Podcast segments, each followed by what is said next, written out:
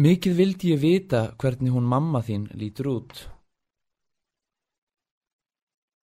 Hún hafði mikinn búk og stuttar feitar lappir. Karlarnir voru ekkert nema lappirnar, langar og mjóar, og ég gómaði þá þar sem þeir lúrðu upp við húsvekkin á bakvið grasið og stráin og fýblana. Ég flegði þeim í vefin hennar og fyldist með því hvernig hún pakkaði þeim inn í silki og átá. Hún var óseðjandi. Stundum settist ég á bakvið ruslatunurnar og sleita þeim lappirnar eina af annari. Þar voru ekkert mjög fastar á búknum. Það var meira eins og að týna hrosshár úr lopapeisu en að slíta fótleggin af einhverjum. Þeir mótmæltu ekki.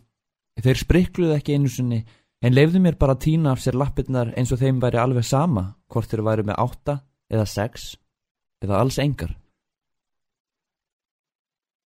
Og svo einn daginn langaði mig ekki lengur að hrekja kongularnar í gardinum af því að þegar limlestingar og dráp eru daglegt brauð þá hættir maður að fara hroll í hvert skipti. Þá myndi ég eftir Ölvi, vini mínum, en mamma hans átti glerkúlur í krukku í eldursklukanum. Ölfur á heima rétt hjá spítalanum og kirkjunni. Ég mátti ekki fara út úr gardinum og alls ekki út úr portinu, en ég var bara nýkomin út og ég vissi að mamma myndi ekki líta eftir mér fyrir en eftir svona klukkutíma og klukkutími er lengi að líða.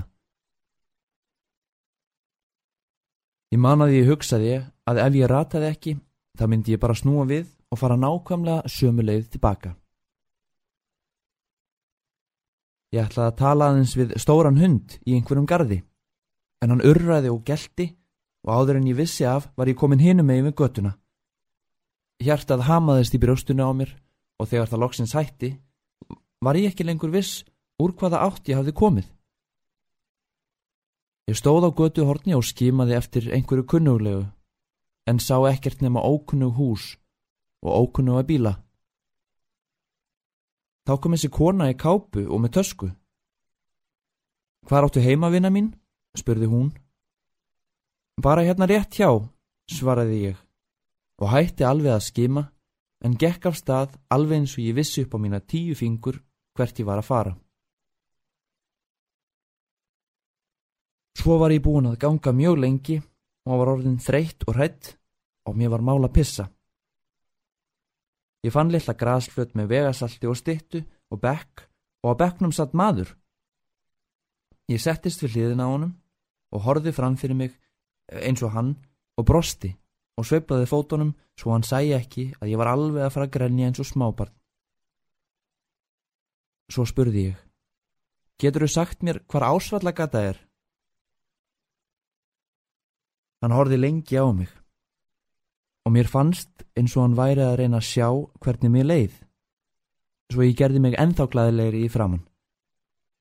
Þá sagði hann Átt þú heima þar? Já, svaraði ég. Hann tók um hökun á sér og velti vöngum, strauk á sér skekkið. Ég bann það nú ekki alveg, En ég bygg blómvallagötu og við getum röllt heim til mín og ef þú segir mér hvað mamma þinn heitir og nummer hvað húsið þitt er, þá getum við ringt og látið vita um þig.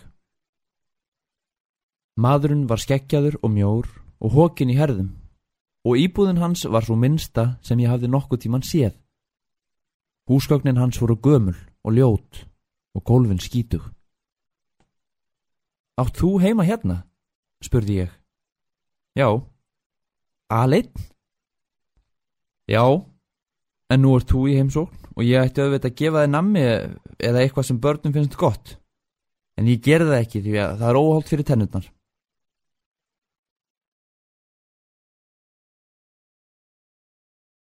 Svaraði hann og benti á réttu hurðina.